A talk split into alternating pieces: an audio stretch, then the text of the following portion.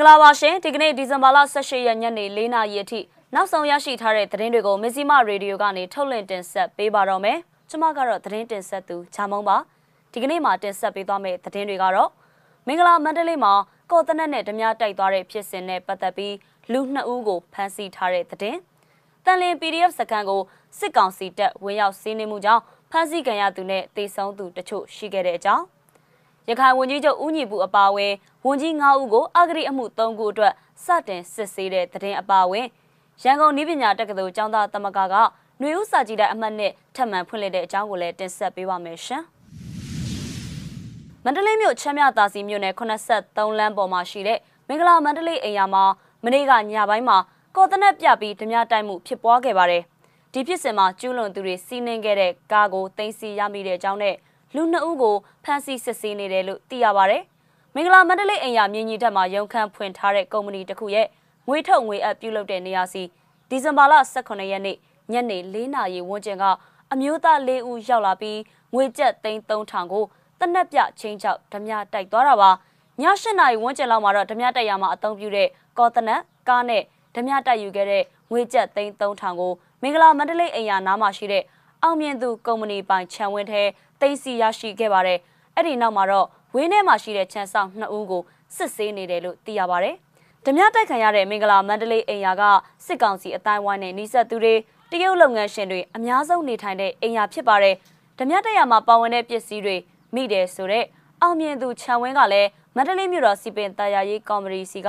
လောက်ွက်တွေအများကြီးရရှိထားတဲ့စီးပွားရေးလုပ်ငန်းတစ်ခုပဲဖြစ်ပါတယ်ရှင်။တန်လင်းပြည်သူ့ကာကွယ်ရေးတပ် PDF စခန်းကို မနေ့ကမနက်ပိုင်း9နာရီလောက်မှာစစ်ကောင်စီတပ်ကဝင်းရောက်စီးနင်းခဲ့ပါတယ်။ဒီစခန်းကရန်ကုန်တိုင်းတန်လင်းမြို့နယ်ခရမ်းရည်ထိန်တကားအနီးလဟာရက်ရွာနားမှာရှိတာပါ။ဒီစီးနင်းမှုမှာအပြန်အလှန်ပစ်ခတ်မှုတွေဖြစ်ပွားခဲ့ပြီးတဲ့နောက်ဒေသခံကာကွယ်ရေးတပ်ဖွဲ့ဝင်2ဦးကြာဆုံးပြီး3ဦးကတော့ဖမ်းဆီးခံရကြောင်းသိရပါဗျ။သူတို့အင်အားကတော်တော်များတဲ့စခန်းကိုဒလန်ကသတင်းပေးလိုက်တာလိုက်တောင်ပြသေးတယ်အင်အားချင်းမမျှလို့ကြာဆုံးခဲ့ရတယ်။ယောက်ျားလေး2ယောက်မိန်းကလေး1ယောက် ဖမ်းဆီးခံလိုက်ရတယ်။2ယောက်ကတော့ကြာဆုံးသွားတယ်လို့အဖွဲ့နဲ့နှီးဆက်သူကပြောပြပါဗျ။ကြာဆုံးသူ2ဦးကတခြားအဖွဲ့ဝင်တွေလွတ်အောင်ခုခံပစ်ခတ်ခဲ့ပြီးတဲ့နောက်ကြာဆုံးသွားတာဖြစ်တယ်လို့ဆိုပါတယ်။ဒီစီးနှင်းမှုတဲ့ဖမ်းဆီးခံရသူတွေနဲ့ပတ်သက်တဲ့အခြေအနေအသေးစိတ်ကိုတော့လက်တလောမသိရသေးပါဘူးရှင်။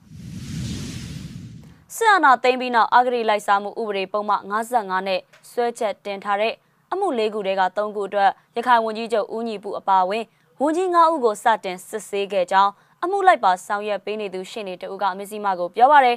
အဂရိလိုက်စားမှုဥပဒေပုံမှ55အမှုအတွက်ဝန်ကြီး၅ဦးကိုမနေ့ကဒီဇင်ဘာလ18ရက်နေ့မှာစစ်တွေအကျဉ်းထောင်ထဲတီးတန့်တရားရုံးမှာရုံးထုတ်စစ်ဆေးခဲ့ပါတယ်။အဲ့ဒီရုံးချိန်မှာတော့အမှုအမှတ်1အမှတ်3နဲ့အမှတ်4စတဲ့အမှု3ခုကိုစစ်ဆေးခဲ့တာပါ။နောက်ထပ်စစ်ဆေးဖို့ကြန့်ရှိနေတဲ့အာဂရိလိုက်စားမှုအမှုအမှတ်2ကိုတော့ လာမယ့်ဒီဇင်ဘာလ20ရက်နေ့ရုံးချိန်မှာဆက်ပြီးတော့စစ်ဆေးဖို့တရားရုံးကရက်ချိန်ပေးလိုက်ကြောင်းအမှုလိုက်ပါဆောင်ရွက်ပေးနေတဲ့ရှင်တွေကပြောပါတယ်။အမှု၄ခုမှာ၃ခုကိုစစ်ပြီးသွားပြီးဒါတွေကအစိုးရစီမင်းစည်းကမ်းချက်နဲ့အညီလုပ်တာပေါ့ဆွဆွဲခံရတဲ့အမှုအတွက်ဒါကိုတယောက်တည်းလောက်တာမဟုတ်ဘူးအစည်းအဝေးမှာအချိန်ယူဆွေးနွေးပြီးမှဒါတွေကိုလောက်တာပါဆိုပြီးဝန်ကြီးတွေကတရားရုံးမှာခြေပထွက်ဆိုခဲ့ကြပါတယ်လို့ရှေ့နေကပြောပါတယ်အမျိုးသားဒီမိုကရေစီအဖွဲ့ချုပ် NLD ပါတီအစိုးရလက်ထက်တုန်းကတာဝန်ထမ်းဆောင်ခဲ့တဲ့ ရခိုင်ဝန်ကြီးချုပ်ဦးညီပူ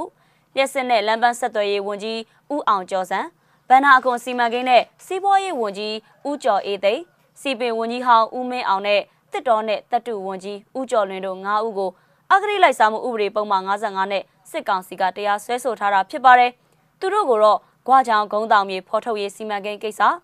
နိုင်ငံပိုင်အဆောက်အအုံ၃ခုကိုအထည်ချုပ်လုပ်ငန်းလုပ်ကင်ဖို့ကုမ္ပဏီတစ်ခုစီ ငှားရမ်းတာနဲ့ပြည်내ရန်ပုံငွေကျပ်865တန်းကိုဗန်နာရေးစည်းကမ်းနဲ့မညီဘဲတုံးဆွဲခဲ့တယ်ဆိုပြီးစစ်ကောင်စီကအဂရိလိုက်စားမှုနဲ့တရားစွဲဆိုထားတာဖြစ်ပါတယ်။ဝန်ကြီး၅ဦးဆွဲဆိုခံရတဲ့အဂရိအမှု၄ခုလုံးကိုဆွဲချက်တင်ပြီးဆက်လက်စစ်ဆေးဖို့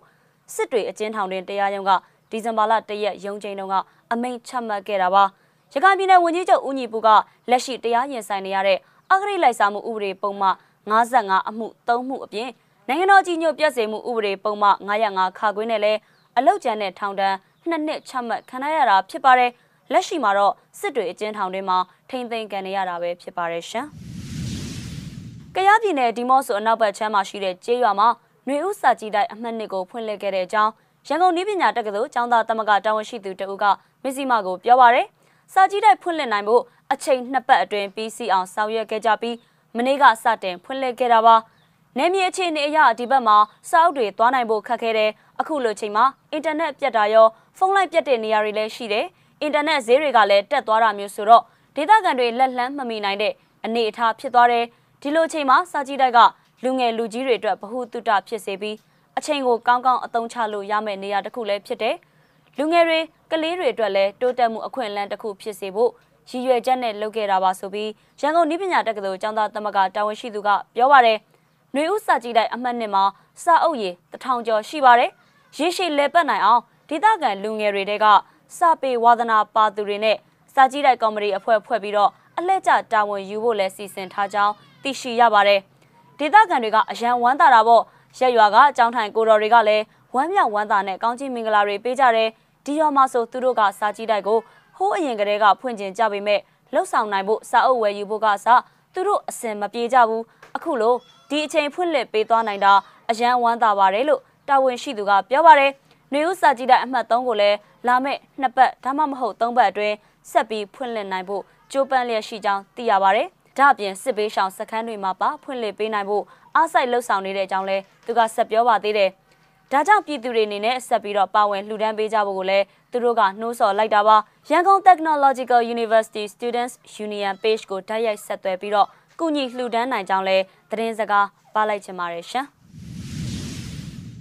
မဇီမာရေဒီယိုရဲ့ညနေ၄နာရီအထိနောက်ဆုံးရရှိထားတဲ့သတင်းတွေကိုတင်ဆက်ပေးခဲ့တာပါစောင့်မျှော်နားဆင်ပေးခဲ့ကြတဲ့အတွက်ကျေးဇူးတင်ပါတယ်ရှင်